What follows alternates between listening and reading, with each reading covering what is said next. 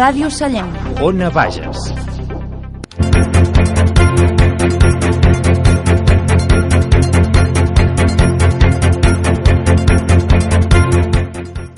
Bon dia, Sallent. Són les 8 i pels que ens escolteu el dissabte és la 1. Comencem els informatius parlant de cultura i és que la Coral Nova Harmonia presenta aquest dissabte el seu nou espectacle El so de la memòria, un espectacle que queda molt lluny del tradicional del tradicional espectacle que sol fer la Coral. I seguidament parlarem de l'èxit de la segona edició d'Avex Warrincama Extrem, on van participar-hi uns 17 equips. I també parlarem de les obres que s'estan donant a terme a la, per la millora del costat de la carretera, on explicarem tots els seus detalls. I sense moure'ns de les obres també parlarem sobre l'empresa que rehabilita el pont Pere Auger perquè ha paralitzat les obres. I finalment acabarem parlant un altre cop de cultura i és que l'ANI, l'espectacle ANI que va dur a terme l'Escola Municipal de Música Cal Moliner va arribar fins al concert va arribar fins al Cursal amb molt d'èxit. Amb tot també tindrem els esports amb Pitu Galobar, l'agenda d'actes també amb ell mateix i el temps amb David Comas. Comencem! Estava previst per principis d'estiu, però l'esperat pla director de Sallent, que deixarà d'extreure sal. La cursa d'obstacles l'Eternal Running Invencible. El regidor d'Esports, Jonathan Caro, ens ho explica. Cada divendres de 8 a 9 del vespre, Sallent Informa.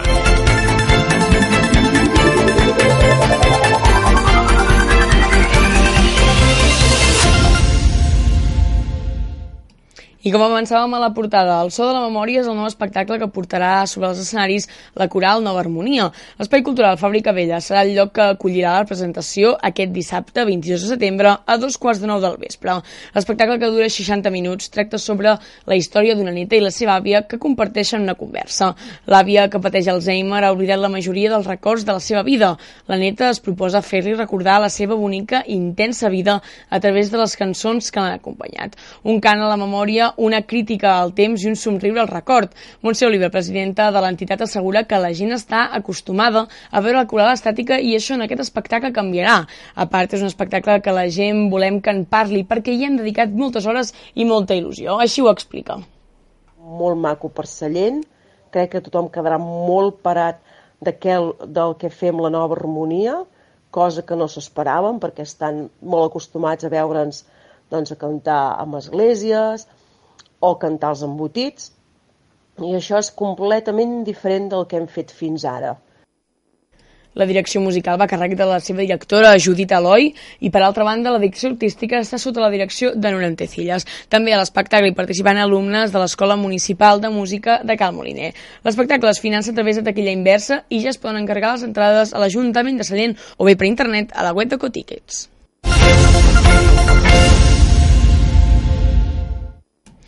I èxit a la segona edició de l'Aves Guarrincama Extrem. El fang i la diversió han estat els protagonistes d'aquest cap de setmana. Més de, 70, més de 70 persones organitzades en 17 equips han participat en la segona edició de l'Aves Guarrincama Extrem. Dos circuits, un obstacle i, una, i un altre d'obstacles i running, i una pila de proves, escales de troncs, cordes, pneumàtics, túnels de fang, han fet les delícies de tants concursants com del públic. Els primers classificats en la cursa d'obstacles van ser els trinquets, seguits del trio La i los Invencibles Invencibles. I el Vistanich i Sense Nom i Dream Team van ocupar les tres primeres posicions de la cursa de running i obstacles. Els Dream Team també van pujar al podi per la categoria de millor disfressa.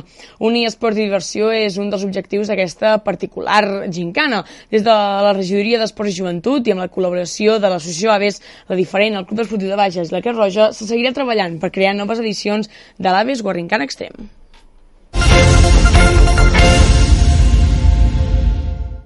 I ara anem a parlar d'obres, i és que ja hi ha l'inici de les obres d'urbanització i millora del costat est de la carretera.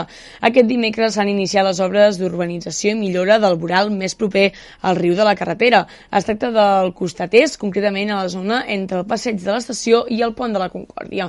Tot és part d'un intent per part de l'Ajuntament per millorar l'estacionament i la vorera al costat de la carretera.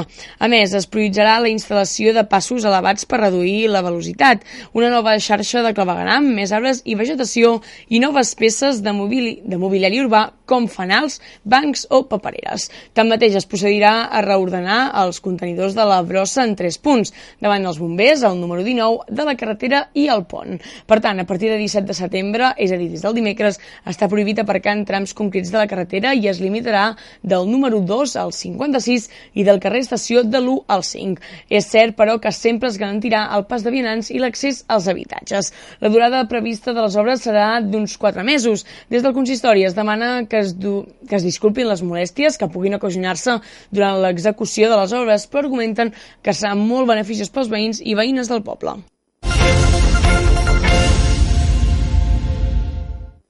I com dèiem també la setmana passada, però aquesta ha sigut la notícia més llegida dels informatius d'enguany de, de la setmana, les obres del pont Perauger no van segons el previst, i és que la remodelació del pont va començar al juny i havia de finalitzar a finals de setembre. Segons ha explicat Esquerra Republicana al ple de l'Ajuntament del passat dimecres, l'empresa que gestiona les obres, Construccions Jordi Riera, estaria suposadament en fallida.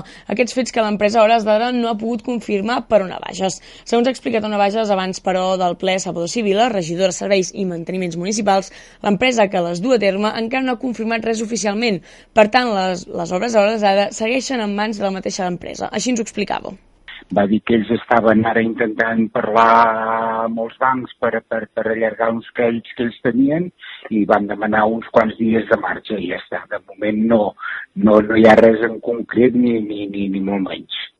L'empresa només ha demanat temps a l'Ajuntament per tal de facturar les obres amb total normalitat.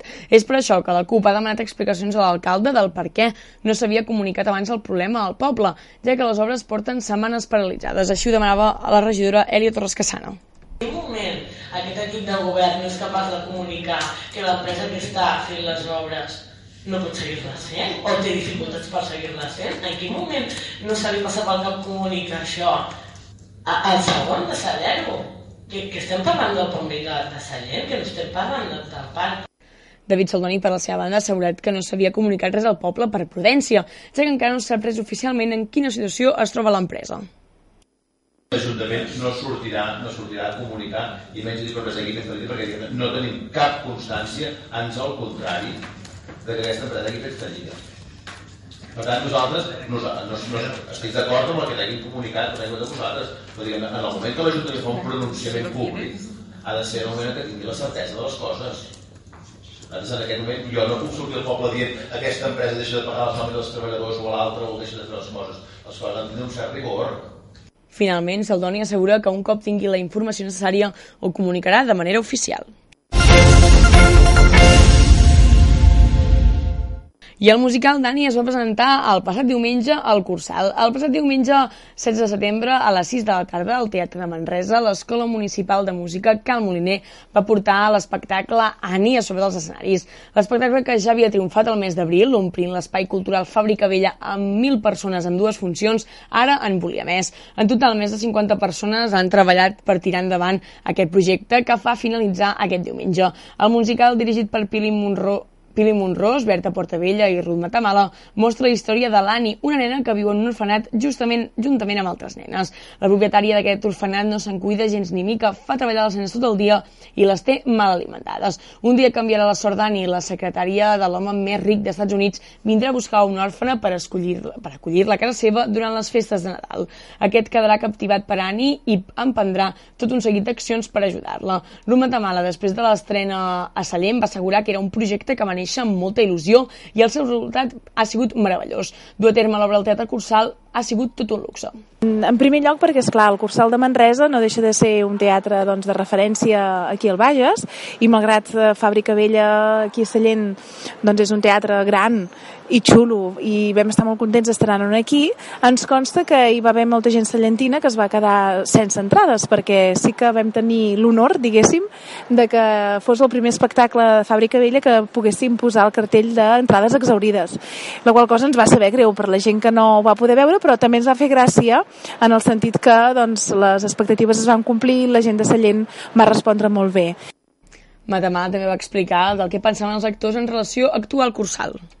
Però sobretot ho he demanat ara per aquí entre els... acabem de fer un assaig, doncs entre els nois i noies que, que els suposava amb ells en el cursal i han dit una cosa molt bonica. Han dit que més enllà de tornar-ho, de, de, de fer-ho eh, en un teatre més gran, gran i que la gent ho veigués, que el més xulo de fer-ho al Cursal era tornar-ho a fer, perquè vulguis que no va ser una experiència molt bonica, de la qual tots en guarden molt bon record, i tenir l'oportunitat, ara que mira, doncs, amb, amb estiu doncs, ens hem tornat a veure, ja doncs, hem portat dos dies d'assajos i estan molt contents, i veiem que se n'en recorden força, per tant vol dir que és una cosa que els va marcar i que, i que la van interioritzar, i tornar-ho a fer, jo em sembla que tant si fos un lloc com un altre, la qüestió és treure partit de tot el munt d'assajos que vam fer durant, durant tot un any.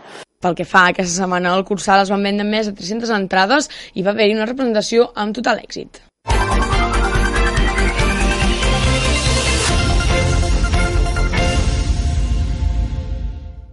I ara anem a les notícies comarcals. Ràdio Sant Padó, Marcel Tarazona. La CUP Sant Padó ha decidit fer un pas endavant i presentar-se a les properes eleccions municipals previstes pel maig de 2019. Així ho han confirmat en un comunicat difós als mitjans a principis de setmana. Per fer-ho, volen fer un programa electoral de forma conjunta amb la ciutadania de Sant Padó, per això, des d'aquest setembre fins al maig vinent, faran diferents accions encaminades a recollir les inquietuds i necessitats que expressin les persones que participaran a les eleccions. La principal eina amb què volen desenvolupar aquest programa i connectar amb la gent són assemblees obertes on tothom pugui participar i sorgeixin propostes, complicitats i consensos per dissenyar un futur poble en què, segons la CUP, els agradaria viure. La primera serà aquest mateix diumenge, 16 perdó, de setembre, a la plaça Gran a partir de les 7 de la tarda. El grup de suport a l'Escup de Sant Padó va néixer a principis de 2014, impulsat per persones del poble properes a l'esquerra independentista. Amb les eleccions municipals de 2019 a la vista, han decidit fer el pas que no van fer el 2015, en què es va imposar Esquerra per majoria absoluta i presentar-se aquest cop sí per primera vegada a uns comicis electorals. Amb la irrupció de la CUP ja són dos els partits de nova formació al poble que entren a l'arena política de cara a les eleccions de la primavera. El primer va ser el Comú de Sant Padó, formació pròxima Podem, que va anunciar la seva candidatura a principis d'estiu. Amb tot, la llista de nous sectors polítics al poble podria no acabar-se aquí, i és que, segons sembla, s'estaria gestant una candidatura de Ciutadans, tot i que encara està per confirmar.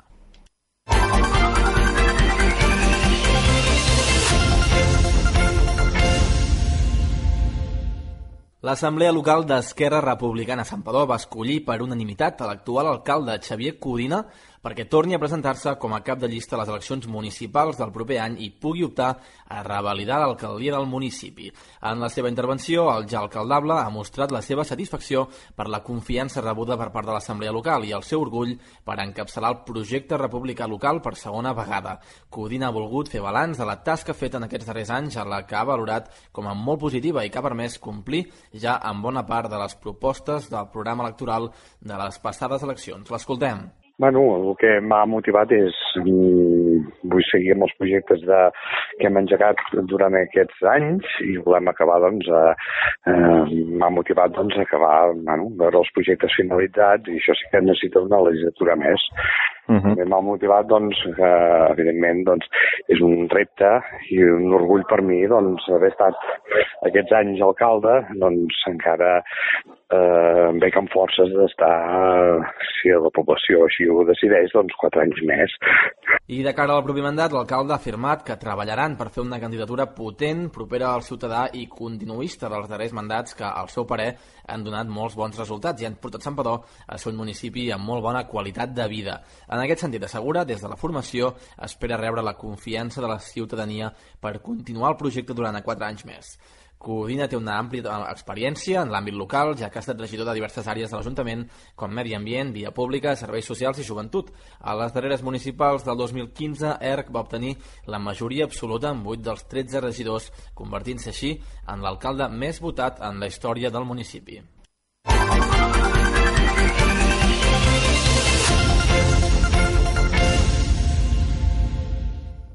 I ara passem a Ràdio Sant Fruitós i Lènia Morros. Sant Fruitós compta des d'ahir amb un nou fill il·lustre. Es tracta del pintor Alfred Figueres, que ahir hauria complert 120 anys. A motiu del dia del seu naixement, l'Ajuntament va convocar un ple extraordinari amb un únic punt a l'ordre del dia per nomenar-lo Sant Fruitosenc il·lustre. Juntament amb els membres del consistori i els veïns de Sant Fruitós, també van assistir els familiars del pintor, entre els quals hi havia en Jordi i la Clàudia Figueres, fills de l'homenatjat, l'hereu de Sant Fruitós de Bages, Roc Grandia, el president de la Diputació de Barcelona, Marc Castells, i el diputat de la Diputació i alcalde de Manresa, Valentí Junyent. L'alcalde del municipi, Joan Carles Batanés, assegura que la iniciativa va sorgir dels veïns del poble i creu que això és molt important perquè surt dels ciutadans reclamar-ho. Jo crec que amb un impuls que venia de, de ciutadans de, del poble, que crec que això és l'important, no? quan, quan aquest tipus de coses succeeixen perquè surt dels ciutadans el reclamar doncs, que, que un any com aquest i tal dia com avui, si avui aquest, eh, aquest ple no és casualitat que el fem avui, també és extraordinari perquè just avui, el 13 de setembre, fa els 120 anys que va néixer l'Alfred. I per tant, eh, creiem que avui valia la pena doncs, fer aquestes, totes aquestes coincidències que, que porten doncs, a donar més solemnitat en aquest acte i aquest ple que celebrem avui. Així Batanés donava les gràcies a la comissió que durant l'any encapçala els actes en memòria de Figueres. Amb tot el regidor de Cultura, Xavier Racero, explicava que era un dia molt important perquè aquest any es commemora l'aniversari del pintor i se'l fa fill il·lustre per sempre més. Afegia que el satisfà fer-ho i que no ha estat fins ara que s'ha donat a conèixer plenament l'obra i la vida del pintor. Aquesta ha estat la feina que ha tingut la comissió, treballar de debò per conèixer més sobre la figura que portava el nom de Sant Fruitós al cor. Escolteu la seva intervenció sencera. Avui, 13 de setembre de 2018, és un dia important, suposo que per això esteu tots aquí assistint a aquest ple extraordinari, i és un dia important i ho és perquè celebrem l'any Figueres, l'any que estem dedicant a la commemoració del naixement del nostre pintor, l'Alfred, que va néixer el número 87 del carrer Padró, aquí més avall, del nostre municipi, l'any 1898. Per tant, avui és quan hauria fet els 120 anys. I és també avui quan el fem il·lustre del nostre poble per sempre més. Com a regidor de Cultura, us he de ser sincers, m'omple eh, de molta satisfacció que avui, en aquest ple extraordinari, atorguem aquesta distinció a l'Alfred Figueres. Fins ara, Sant Fritós de Bages, potser d'en Figueres, del nostre pintor, coneixia que tenia una plaça en el seu nom, al costat del Nexe, o que tenia una casa, la casa familiar als encontrons del Bosquet, a l'Ajuntament alguns quadres, eh, fins ara que hem fet l'any Figueres, doncs ha pogut llegir la biografia que hi posaven cada mes del calendari o bé va assistir a la biblioteca a l'exposició que vam fer en el seu honor. Um, doncs n'hem de conèixer a partir d'ara uh, qui més qui menys hauria de conèixer alguna cosa però també qui més qui menys potser no en coneix cap. Aquí, hi ha, aquí rau la, la, nostra, la nostra feina com a Ajuntament i sobretot també com deia l'alcalde destacadament el treball d'aquesta comissió tant la política com l'executiva que hem fet um, per aquest any Figueres per treballar-lo de debò. Però que sigui l'inici d'aquest treball de debò. A partir de demà doncs i en els dies que vindran n'haurem de conèixer més de la seva obra, de la seva figura i aquesta és la nostra responsabilitat. A partir d'ara per això també tenim el nom d'Alfred Figueres com un dels sanfritosencs il·lustres. La cultura a nivell general i a Sant Fritós està canviant i les propostes culturals i de redescoberta patrimonial han d'estar a l'agenda del dia i en són a Sant Fritós i, i en seran nombroses també amb actes com aquest i amb anys commemoratius com aquest quan, es, quan treballem tots units amb una comissió que vol traslladar coneixement a la ciutadania. La veritat és que és tot un encert treballar aquest any el Fred Figueres, també tot un encert fer-lo il·lustre. Però per què el fem il·lustre? Doncs hem de pensar que l'Alfred Figueres Tenim una, davant una persona que ja de ben jove decideix que es vol dedicar a l'art, a la pintura, estudia belles arts, però descobreix ràpidament l'impressionisme i, i el cesanisme com a alternatives al que ja va aprendre a aquestes escoles de, de belles arts. Uh, és una persona que va a París, quan el gran moviment pictòric a l'època es podia admirar de prop l'obra de mestres uh, postimpressionistes com Cézanne, Van Gogh, Gauguin, Fixeu-vos quins noms estem, estem dient. Una persona que també relaciona amb Picasso, Miró, Clarà i Pruna. També, com molts altres eh, compatriotes, va haver d'exiliar-se durant la dictadura, militar de Primo de Rivera i ho fa anant al Alger. Alger és un dels indrets on també eh, de la biografia de l'Alfred se'n destaquen moltes obres i molta part de la seva vida pictòrica. Allà es relaciona amb els escriptors Gabriel Audicio i Albert Camus i també amb l'arquitecte Le Corbusier, el qual, l'arquitecte Le Corbusier va dissenyar la seva casa, la casa que tenim al Bosquet, i que finalment també Figueres construeix en el seu poble natal. Una persona que viatjava molt, que li agradava viatjar, però el seu caràcter humil i de poble per ell era vital. El contacte amb la seva terra. Perdó. Una persona, com deia, que viatjava molt, però que sempre sentia eh, de poble i per ell era vital estar en contacte amb la seva terra, amb la seva gent, amb Sant Fritós. En el poble va promoure moltes activitats i, com no, les que significaven cultura i estava darrere sempre, des d'impulsar la biblioteca fins als concursos de pintura, passant per fer de professor de futurs art artistes que d'aquí en tenim alguns alumnes asseguts. Va fer nombroses obres d'exposicions de la seva obra pictòrica a Manresa, Barcelona, Alger, a Rabat, a Estocolm i a tantes indrets del país. Com no l'hem de fer il·lustre. Destacadament és un dels pintors de la prestigiosa Galeria d'Art, va ser un dels, dels pintors eh, que exposaven a la prestigiosa Galeria d'Art Sala, la Sala Parés de Barcelona, on es van celebrar exposicions seves als, als anys 1970, 73 i 77. I la veritat és que tenim una joia, parlàvem d'Alger. La seva obra més internacional, el 1947 va anar a Alger a crear uns gravats que titular Les imatges d'Alger, amb textos d'André Gide, un escriptor francès que va ser guardonat el mateix any, l'any 47, com el Premi Nobel de Literatura. Si em deixeu, permeteu fer un parèntesi, aquesta, tenim, Sant Fritós ha adquirit un original d'aquesta obra, les imatges d'Alger, que restarà per sempre una obra de l'Alfred original en l'arxiu municipal per la consulta de qualsevol persona. Aquesta obra el govern francès el condecorà amb les palmes acadèmiques i donat l'èxit que va tenir aquesta obra, el govern xerifià el convidà a fer una estada al Marroc. Amb tot això, fent una pinzellada compactada per no allargar-nos gaire de la seva biografia i obra, proposem avui al ple que es proclami la Fred Figueres fill il·lustre del poble. Tan sols agrair a totes aquelles persones, membres de les comissions organitzadores, tant la política com l'executiva, la seva dedicació i treball, i també especialment a la família Figueres, els seus fills Jordi i Clàudia i la resta de família. Les veïnes i els veïns del poble hem de saber que tenim un gran representant cultural i artístic de gran projecció internacional, només cal veure els noms de països que he esmentat, i per tant tenim el deure i fins i tot jo diria l'obligació de redescobrir l'Alfred Figueres arreu, a tot el món, com alguns dels seus experts indiquen, perquè és el nostre pintor. Des del PSC, Tomàs Casero assegura que Figueres era un artista en majúscules i considera que és un dia històric per Sant Fritós. El dia 13 de juny d'enguany es va proposar concedir el títol de fritosenc il·lustre al pintor al senyor Alfred Figueres Sant Martí. El dia 13 de setembre, avui, ho farem efectiu. I crec que els protagonistes ha de ser la família del pintor perquè avui és un dia històric realment és un dia històric perquè un artista en majúscules doncs és fill il·lustre de, del nostre municipi.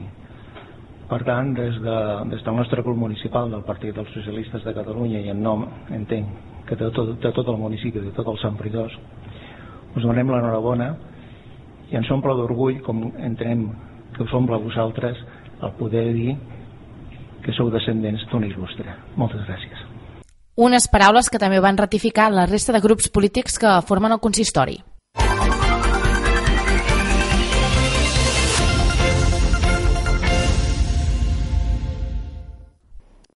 El temps. Bon dia, ens llevem amb algunes boirines, un alt nivell d'humitat i temperatures mínimes que s'han situat entre els 15 i els 17 graus a gran part del Bages. Esperem per avui una jornada calorosa, temperatures màximes entre els 29 i els 31 graus fins i tot en diferents punts del Pla de Bages. Per tant, una calor doncs, moderadament intensa per ser doncs, ja a mig setembre. Avui no esperem xàfecs, esperem una jornada, com dèiem, assolellada i amb vent de sud eh, de cara a la tarda marinada que pot bufar doncs, al centre i al sud de la comarca.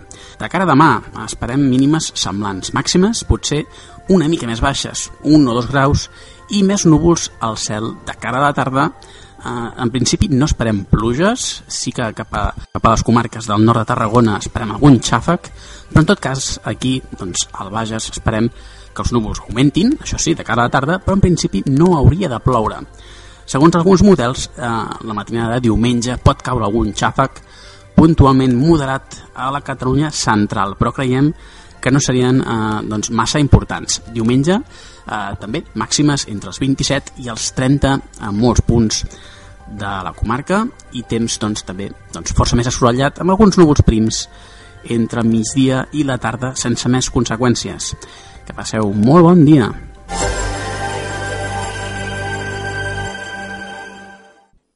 Ara, els esports, amb Pitu Galobart.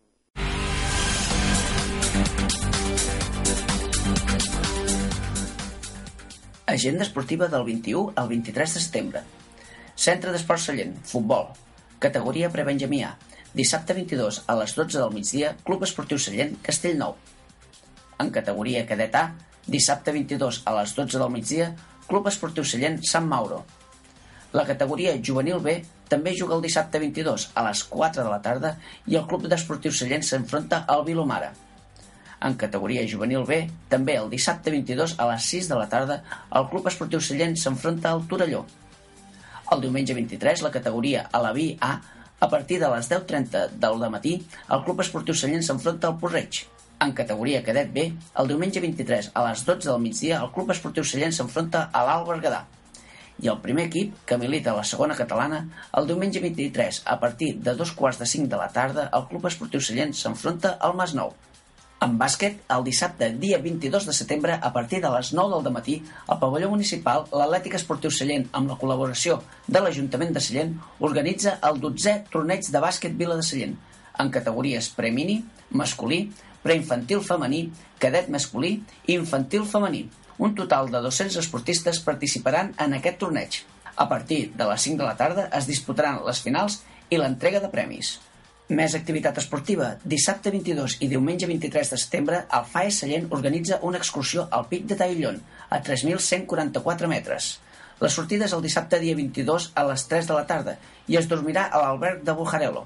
També hi ha l'opció de dormir al càmping.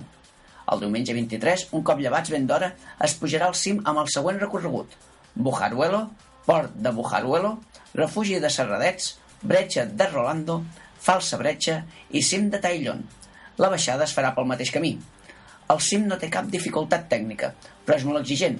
No en va, s'ha de superar un desnivell de 2.000 metres i una distància total de 22 quilòmetres. Anant a pas tranquil, entre anar i tornar, hi estaran unes 10 hores. Més informació al faessallent.gmail.com www.faessallent.org o al telèfon 618 900 138 i preguntar pel David. També destacarem a l'agenda esportiva que el diumenge 30 de setembre l'Associació de Veïns Sant Victor Claret organitza un curs de marxa nòrdica a càrrec de Sandra Rodríguez Molino. La sortida es farà des de darrere les pistes de tennis a partir de dos quarts de nou del matí i durarà fins a dos quarts d'una del migdia. Les inscripcions són de 10 euros pels socis i de 15 euros als no socis, a Martí Esports. Les places són limitades. També us recordem que un any més tornen les escoles esportives i els Jocs Escolars per la temporada 2018-2019 organitzats per l'Ajuntament de Sallent juntament amb l'Atlètic Esportiu Sallent i el Club Tenis Taula Sallent per a nenes i nens de 3 a 12 anys i activitats vàries com psicomotricitat, miniesports, futbol sala prebenjamí, benjamí i alaví, escola de bàsquet, atletisme cross, patinatge artístic, tenis taula i premini i mini de bàsquet. Les inscripcions es poden fer fins divendres 21 de setembre al pavelló d'esports, al telèfon 696 447 383 i a Martí Esports, al telèfon 93 837 22 22. L'inici de les activitats és el pròxim dilluns, dia 24 de setembre. I el Club Tenis Sallent ens fa saber que a partir del 12 de setembre posen en marxa els cursets de tennis 2018-2019. L'escola està dirigida als nens i nenes d'edats compreses entre els 4 i els 17 anys. Les classes es faran de dilluns a divendres a la tarda, de les 4 a les 9 del vespre, i els dissabtes al matí de 9 a 2. Es pot escollir entre iniciació de pàdel, totes les edats, mini-tenis de 6 a 8 anys, iniciació de 9 a 13 anys, perfeccionament dels 14 als 17 anys i els adults a partir dels 18 anys. Els horaris són a convenir. Si no teniu raqueta, el Club Tenis Sallent us la deixa. Més informació al Lluís Parra, al telèfon 652 65 53 16 o bé al local social, al telèfon 93 837 23 36. I acabarem amb dues activitats de l'Associació Cellentina de Cultura Física. La primera, el curs de Fit Dance 2018-2019. El curs està adreçat a nens i nenes a partir de P5 i les places són limitades. L'altra activitat que ens ofereixen són les classes d'estimulació motriu infantil 2018-2019 i el curs està adreçat a nens i nenes de 3 i 4 anys. Les classes es realitzaran els dilluns i els dimecres de les 5.30 a les 6.30 al gimnàs del club. Per més informació de les activitats, us podeu adreçar a les instal·lacions del club al telèfon 93 837 0516 o al telèfon 638 074 185.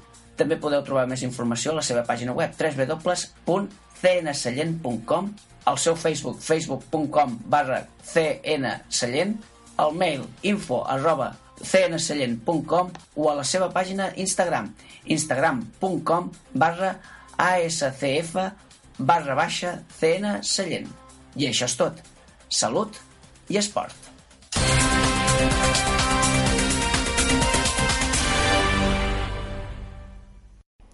I ara l'agenda, amb Pitu Galubart.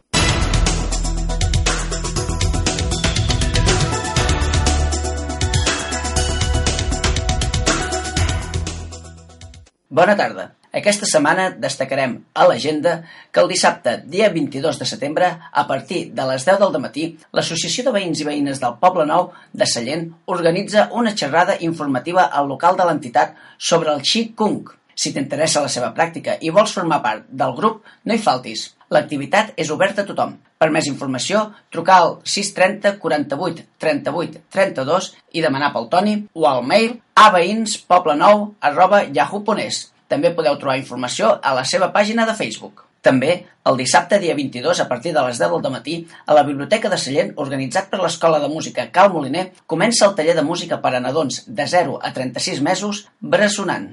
Amb Bressonant es crea un entorn musical variat a través de cançons i ritmes seleccionats per la seva riquesa musical i càrrega emotiva. Es treballa l'estimulació dels cinc sentits que afavoreix el desenvolupament social i les ganes de comunicar-se a l'infant, mitjançant cançons, moviments, balancejos, massatges, percussions i jocs. Els infants han d'anar acompanyats de com a mínim un adult. La sessió a la biblioteca és gratuïta i les inscripcions són limitades i ja es poden fer a la mateixa biblioteca. Bressonant és un tast dels tallers trimestrals que es poden fer a l'Escola Municipal de Música Cal Moliner. I continuem amb el dissabte 22 de setembre, que a la plaça Catalunya, des de les 5 de la tarda fins a les 8 del vespre, vine al Esprodis es mou. Passa una tarda en família, jugant al bàsquet amb cadira de rodes, jocs del món, un taller de circ i bombolles de sabó gegant a càrrec de la companyia Filigranes. També hi haurà berenar per a tots els assistents. Organitza l'associació Esprodis. També el dissabte 22, a partir de les 6 de la tarda, la colla de dansaires cellentins organitza una audició de sardanes, com a cluenda de la temporada, a càrrec de la Copla Súria, a la plaça Sant Antoni Maria Claret. També a les 6 de la tarda del dissabte 22, a l'Auditori de l'Escola de Música Cal Moliner, es fa l'acte de lliurament del 25è Premi de Poesia Josep Fàbregas i Capell. En el decurs de l'acte es donarà a conèixer el nom del guanyador, guanyadora, d'aquesta edició del concurs. L'acte estarà amenitzat pel grup musical Coses. I per acabar amb els actes del dissabte 22, a les 8.30 del vespre, a l'Espai Cultural Fàbrica Vella, la coral Nova Harmonia presenta el so de la memòria. Una neta i la seva àvia comparteixen una conversa. L'àvia, que pateix Alzheimer, ha oblidat la majoria dels records de la seva vida. La neta es proposa fer-li recordar la seva bonica i intensa vida a través de les cançons que l'han acompanyat. Un cant a la memòria, una carícia al temps i un somriure al record. La direcció musical va a càrrec de Judit Eloi i la direcció artística de Núria Ontecillas. L'espectacle es financia a través de taquilla inversa i ja es poden encarregar les entrades a l'Ajuntament de Sallent o bé a Code Tickets. I passem ara el diumenge dia 23 de setembre, que a les 6 de la tarda a l'Espai Cultural Fàbrica Vella es presenta l'espectacle familiar de teatre Laika. Laika és una aventura basada en fets reals. És la història de la primera gosseta astronauta. 1957, som a Moscou, en plena Guerra Freda i enmig de la carrera espacial. Laika és una gosseta que sobreviu pels carrers i parcs de la gelada ciutat. Poc s'imagina que el seu destí la portarà a l'espai dins l'Sputnik i passarà a la història de la humanitat per ser el primer ésser viu en orbitar al voltant de la Terra. La companyia porta a l'escenari una aventura trepidant explicada molt visualment i que, entre altres qüestions, planteja el dilema de si el fi justifica els mitjans. espectacle en residència a Cal Gras, Avinyó, dins el programa especial de suport a la creació Testimoni Escènic. L'obra ha guanyat el Premi Jurat Infantil i el Premi Drac d'Or com a millor escenografia de la Fira de Titelles de Lleida i compta amb el suport del Museu de Badalona i del Grec 2018 Festival de Barcelona. Les entrades a 3 euros es poden encarregar a l'Ajuntament de Sallent o bé a Code Tickets. I ja passem al dimecres dia 26 de setembre, que a les 6 de la tarda a la Biblioteca de Sallent es farà la primera trobada del Cowbook, el club de lectura infantil per a nens i nenes de 9 a 12 anys, una activitat mensual on aprofiten les històries dels llibres per fer jocs, tallers i tertúlia. I dijous 27 de setembre, a partir de les 8 del vespre, a la Biblioteca de Sallent, vine a la tertúlia del Club de Lectura. A la primera tertúlia literària de la temporada es comentarà el llibre Foc latent, novel·la de Lluïsa Forrellart. Lluïsa Forrellart, guanyadora del Premi Nadal 1953, va tornar a publicar el 2006 amb molt d'èxit, després de 50 anys de silenci. El foc latent narra una història de sentiments ambientada en la convulsa Barcelona de finals del segle XIX, que recrea de forma magistral el retorn més inesperat de la literatura catalana. La tertúlia la modera en Ramon García Alamillo i és oberta a tothom. La biblioteca proporciona el llibre al qui el vulgui llegir i participar del club de lectura. I continuem amb actes que se celebraran el proper cap de setmana. En aquest cas, el dissabte 29 de setembre, amb motiu de la celebració dels 100 anys de la Biblioteca de Sallent, s'organitza un LibDAP, on s'espera la col·laboració de totes les entitats i tothom qui ho vulgui per poder-ho tirar endavant. La idea és fer un recorregut des de la Biblioteca Nova fins a l'antiga biblioteca situada al Parc Pere Sallés, on totes les entitats en siguin protagonistes gravant un vídeo sense talls tot seguint la cançó que s'ha creat per l'acte. Per poder participar només cal enviar un correu electrònic a sallent arroba sallent.cat o també a b.sallent.samc arroba diva.cat. També podeu contactar per telèfon amb l'Ajuntament al 93 837 0200, a la biblioteca al 93 820 63 01 o passar directament per l'Ajuntament o la biblioteca. Podeu trobar la lletra de la cançó del LipDAP a la nostra pàgina web www.radiosellent.cat barra esdeveniments. I continuant amb el dissabte 29 de setembre a les 6 de la tarda a l'Espai Cultural Fàbrica Vella i també dins dels actes de celebració dels 100 anys de la Biblioteca de Sallent es presenta l'espectacle familiar de dansa, teatre, màgia i titelles Ambrosat. L'espectacle està basat en la poesia visual de Joan Brosa, on es barreja dansa, màgia, objectes, projeccions titelles i ombres. Una investigació que porta a encaixar-ho tot sense perdre el significat que l'autor vol transmetre en cadascuna de les seves obres. Les escenes de l'espectacle es basaran en els següents poemes d'Ambrosa. La clau de lletres, poema alfa, poema ruixart de lletres, poema escala musical, poema senyor, poema objecte i poema contes. Obra finalista als Premis Max de Teatre com a millor espectacle infantil, juvenil o familiar. Les entrades a 6 euros ja es poden encarregar a l'Ajuntament de Sallent o bé al Code Tickets.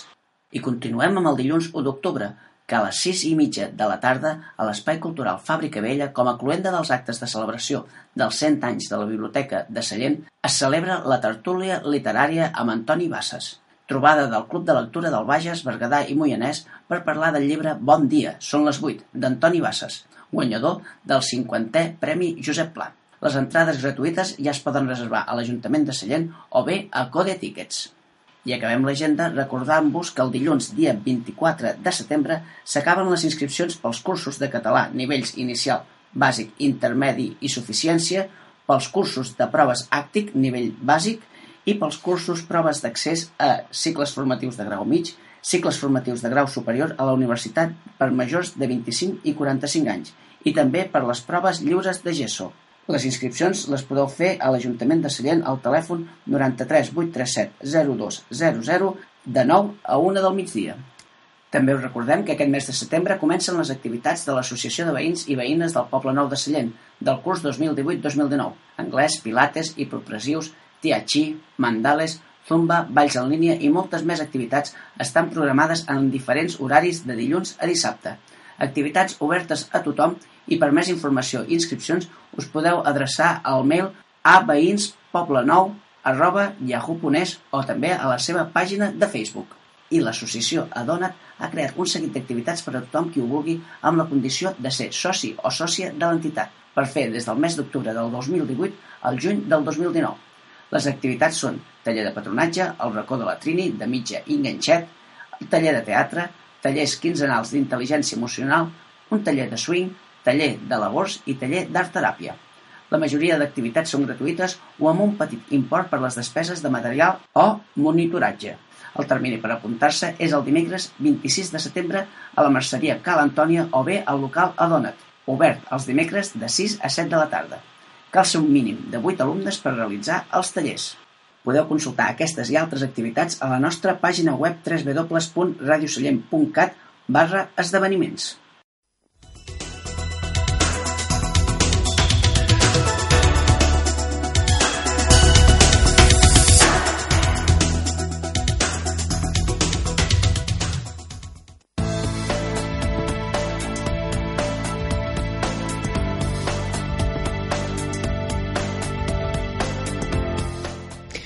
I si a la portada i durant els informatius hem parlat d'Agua Rincana, avui tenim l'entrevista que va fer Judit Penyaranda en el Senyal Positiu sobre aquesta, sobre aquesta festa. Escoltem-la.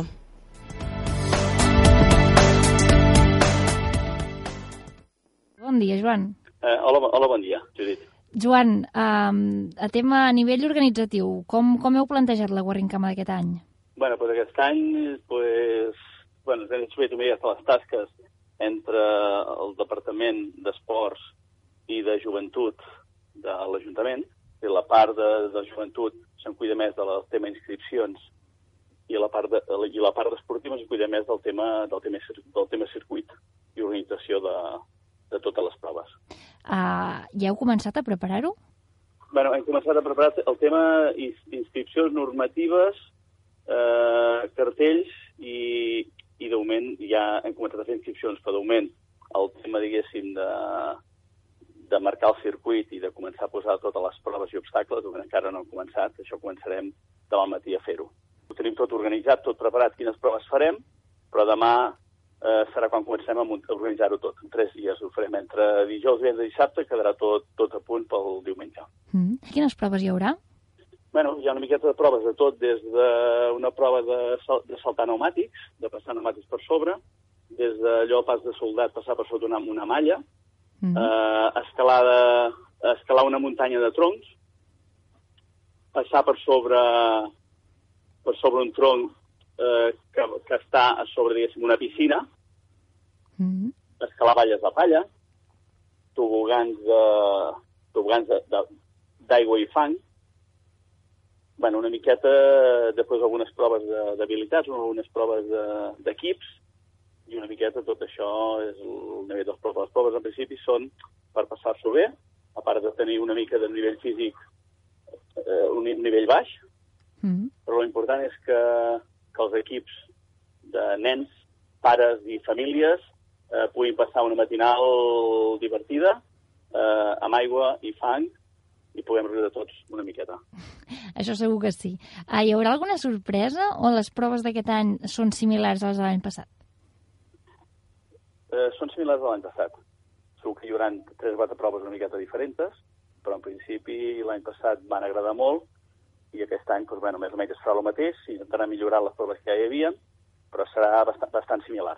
Mm -hmm. També hi haurà dos circuits, eh, bueno, eh, una cursa, és cursa més obstacles. Hi ha, hi ha dues. Una que són el que són eh, merament els obstacles, que, que, que és el, al final, la finalitat és, és el que la gent vol fer. Mm -hmm. La majoria de gent s'apuntarà a tot el que són obstacles, que és on la gent riu, diverteix, eh, ja dic, el nivell físic no ha de ser massa, massa gran per poder-ho fer, i que, i que puguin riure. Després l'altre eh, és, eh, és, és un circuit de, de running, però que serà fins i tot un pèl més curt que l'any passat, i llavors acaben amb el circuit d'obstacles, el, que, el que fan eh, els altres. Perquè l'any passat el circuit de running eh, s'anava a uns 3-4 quilòmetres, 3 i mig em sembla que era, i aquest any el circuit de running s'anirà a 2 quilòmetres. Vull dir que tot anirà un pèl, un pèl més ràpid. Que al final l'objectiu, que són els obstacles, mm -hmm. eh, i que la gent ho vegi tot, tant el, la, la prova de running la gent veurà per on corre tota l'estona els participants i les proves d'obstacles també es veuran. És a dir, estiguis on estiguis, ho podràs veure tot durant tota l'estona. A qui va dirigit aquesta Warrincama? Va, va dirigit a tothom. Diguéssim, a partir d'un nen de 5 anys eh, que, ja, que ja té una, les habilitats motrius bàsiques ja una miqueta eh, adelantades, llavors ja aquests nens ja poden començar pues, a, a saltar, a nedar, a, a, a atrapar, poden fer una miqueta, a córrer, poden fer una miqueta d'activitats. És a dir, a partir d'aquests 5 anys fins a, bueno, fins a 50-60 anys. Vull dir, això ho pot fer tothom, perquè és bé capaç. Vull dir, les proves tampoc són tan exigents perquè no puguin fer. Mm -hmm. I el que sí que, que podem dir ja és que hi haurà obsequi per tothom, eh?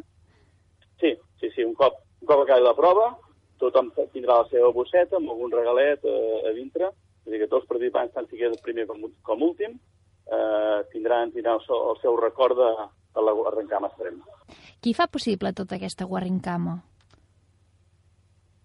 pues, ho fa possible pues, eh, entre el, els aves, mm. els aves de, de Sallent, entre eh, el Departament de Joventut, l'àrea de joventut aquí i l'àrea d'esports de l'Ajuntament de Sallent.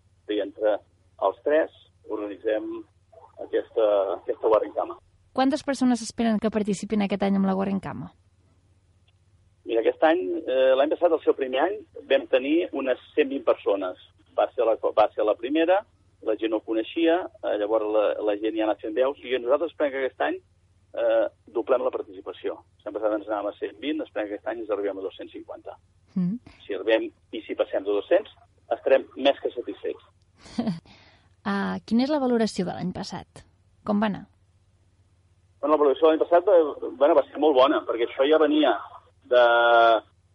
Eh, T'explico una miqueta de, de quan es va començar i com va, com va ser. Eh, en principi hi havia els aves, que cada any ja fa, ja fa cinc anys enrere organitzaven l'Aves Extrem. És a dir, ells sols feien l'Aves Extrem i, i s'organitzaven ells sols. Eh, fa, fa tres anys, aquí a Sallent es va fer la, la Tenal Running, també eren proves d'obstacles, però més, més, una cosa més exigent. Mm i l'any passat des de joventut també volíem fer una, volíem fer una guarrincama. Pues, llavors jo, des d'esports, doncs, ostres, dic, l'Ocean Running deixem-ho de fer perquè a més té uns costos importants per l'Ajuntament i ens ajuntem pues, els, aves que, els aves que ja ho feien la vostra prova i els de i l'àrea de joventut que voleu fer eh, una guarrincama, pues, ajuntem i fem una cosa conjunta. I li diem aves guarrincama extrem. I d'aquí va sortir pues, el, fer, el fer aquesta cosa tota conjunta. Doncs precisament d'això que ens explica Joan de com va començar dels inicis de la Guarrincama amb l'Aves, en parlarem sí. també ara amb en Josep Maria. Moltes gràcies, Joan. Vale, moltes gràcies a vosaltres.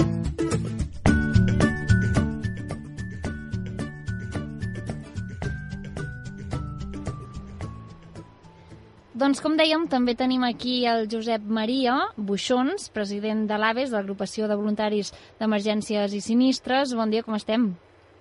Hola, bon dia. Pues mira, aquí anar fent, anar preparant la prova aquesta de, de l'Aves Warringcam Extrem. D'això parlem, de l'Aves Warringcam Extrem, que, com ara fa poc em deia en Joan Martí, eh, els seus inicis venen només de l'Aves. Quina és la prova que organitzàveu a vosaltres? Nosaltres, a l'any 2012, va ser quan vam començar a fer la prova aquesta, que llavors era de unes 14-15 proves, dintre d'uns 40 d'aigua, uns salts de pneumàtics, eh, unes tirolines, uns salts de palla, i la vam anar fent durant dos o tres anys fins al 2014, però llavors el 2014, el 2015 ja va ser quan van començar a fer l'Eternal Running i com que eren dues proves molt semblants, amb molt poca diferència de, de data, llavors ja vam pensar que nosaltres de moment no la faríem, perquè com que ja seria data que era potser més important, doncs ja no la vam fer. Mm. I llavors una vegada ja el 2016 ja no van tornar a fer la del l'Eternal Running, llavors vam parlar amb l'Ajuntament que volíem fer una Warringcama, no sé què, no sé quantos, i com que nosaltres ja fèiem l'Aves anteriorment, doncs vam dir, continuem fent l'Aves d'extrem aquesta i l'ajuntem la, amb l'Ajuntament i per això ara és Aves Warringcama extrem. Mm. Llavors, per dir-ho així, els culpables de, de que ara estigui enllaçat no, amb joventut i també amb esports de l'Ajuntament és perquè vosaltres ho veu demanar. Sí, sí, sí. sí. Mm. Quines proves fèieu? Explica'm una miqueta. Bueno, això és un recorregut així, el tipus S, un fa una S, un, recorregut. Llavors aquest recorregut comença per un, una sortida amb un obstacle de pneumàtics, una muntanya de pneumàtics, que aquí llavors ja és on la gent se comença a miqueta, surten tots de cop, les sortides tothom de cop. llavors surten ja passen per aquesta muntanya de pneumàtics.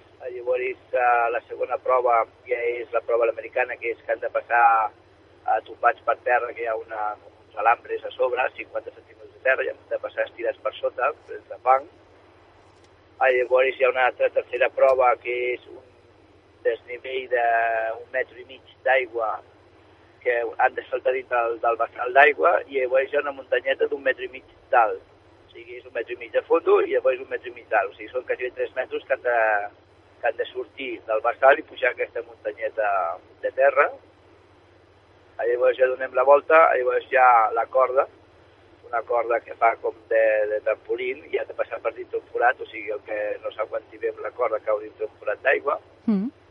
Passen per una, una muntanya de bales de palla d'aquestes rodones grans, o sigui, són dos bales de palla baix i una sobre, i han de saltar per la tercera, per la tercera bala de palla.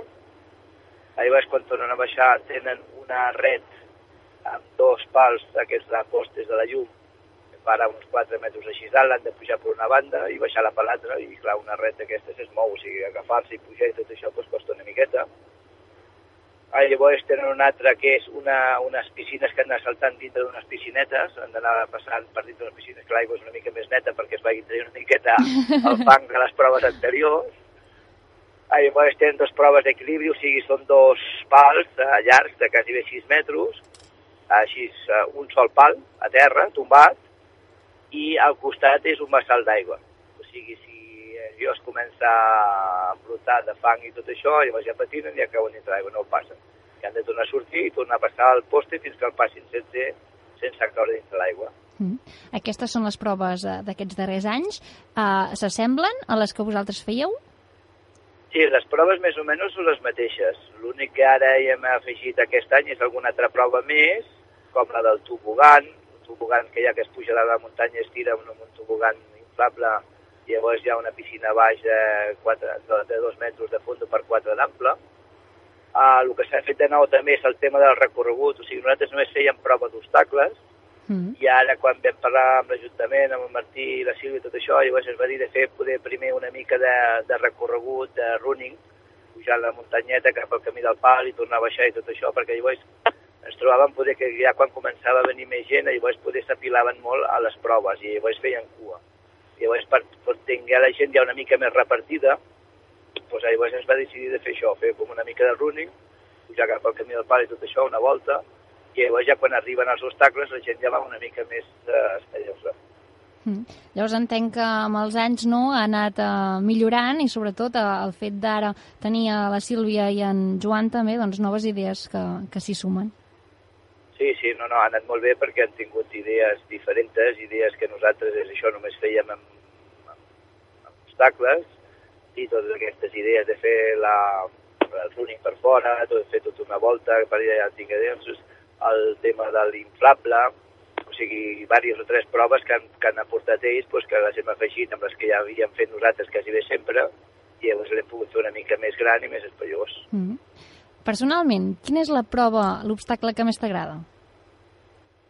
El que més m'agrada, més m'agrada, jo poder, el que més m'agrada és un pas que que quedes enganxat, perquè només hi ha un pam d'aigua, però la terra és moguda, i llavors fa ventosa, i allà cada vegada que ho buidem i ho tornem a treure hi ha un fotimer de bambes i sabates i de tot, perquè allà tothom hi deixa tot, clar, com que la gent queda enganxada allà i quan tiba, tiba, però només tiba la, el peu, el mitjó i la sabata i tot això queda dintre el forat. No sé pas què és més divertit, si participar-hi o veure-ho. Home, nosaltres ens ho passem molt bé veient-ho, eh? eh Fent-la costa una miqueta, o sigui, de gent que l'ha fet i coneguts que l'ha fet i hi ha algun moment que ja que cansa una miqueta, eh? Però veient-la nosaltres ens ho passem bomba, o sigui, una vegada l'hem preparat i estem allà per veure que, que tot funcioni correctament, ens ho passem genial. Tu no l'has fet mai, eh, entenc? Jo totes les proves no, n'he fet algunes, però totes no les he fet, no. Doncs a veure Eh, si, clar. A veure si algun any t'hi animes. A veure, a veure si és veritat que algun any m'hi puc animar i la puc fer des de principi a fi. Doncs moltes gràcies, Josep Maria. Doncs pues molt bé, un saludo, bona tarda.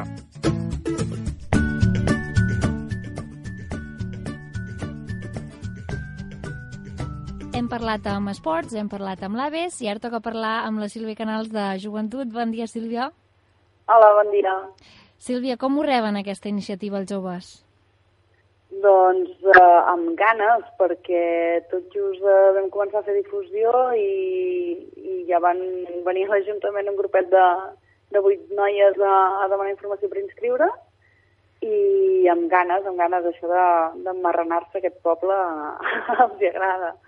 Perquè ja. també amb l'experiència de Setmana Jove també doncs, que hi havia totes les activitats d'emmarrenar-se, de, de, sembla ser que, que, que motiva. Llavors tu, el que has pogut veure amb totes les activitats que dia rere dia anem organitzant des de joventut és això, eh? que el tema d'embrutar-se de, els agrada, els de Sallent.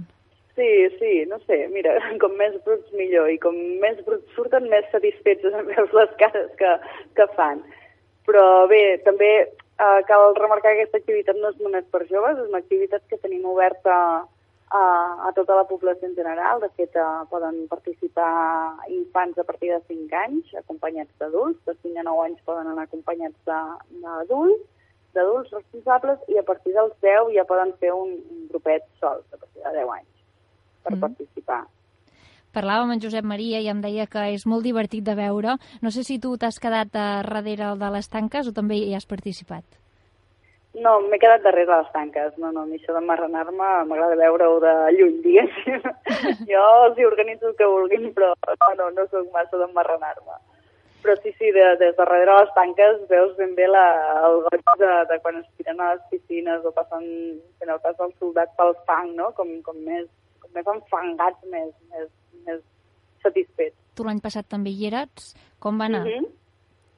Molt bé, la veritat és que per ser una novetat fusionada entre les dues iniciatives, uh, doncs va ser molt bé a nivell d'organització i treballar en equip mm, superbé, ens vam entendre molt bé amb el Joan i amb, i amb el Josep Maria i la veritat és que molt bé, perquè com que ja ho hem fet un any, ara ja tot ve més rodat, ja, ja, ja sabem no? d'on vam coixejar l'any passat i, i per tant, doncs, uh, bueno, la veritat és que molt bé. Doncs moltíssimes gràcies, Sílvia, espero que aquesta segona edició vagi genial. Gràcies a tu, fins ara. Fins ara.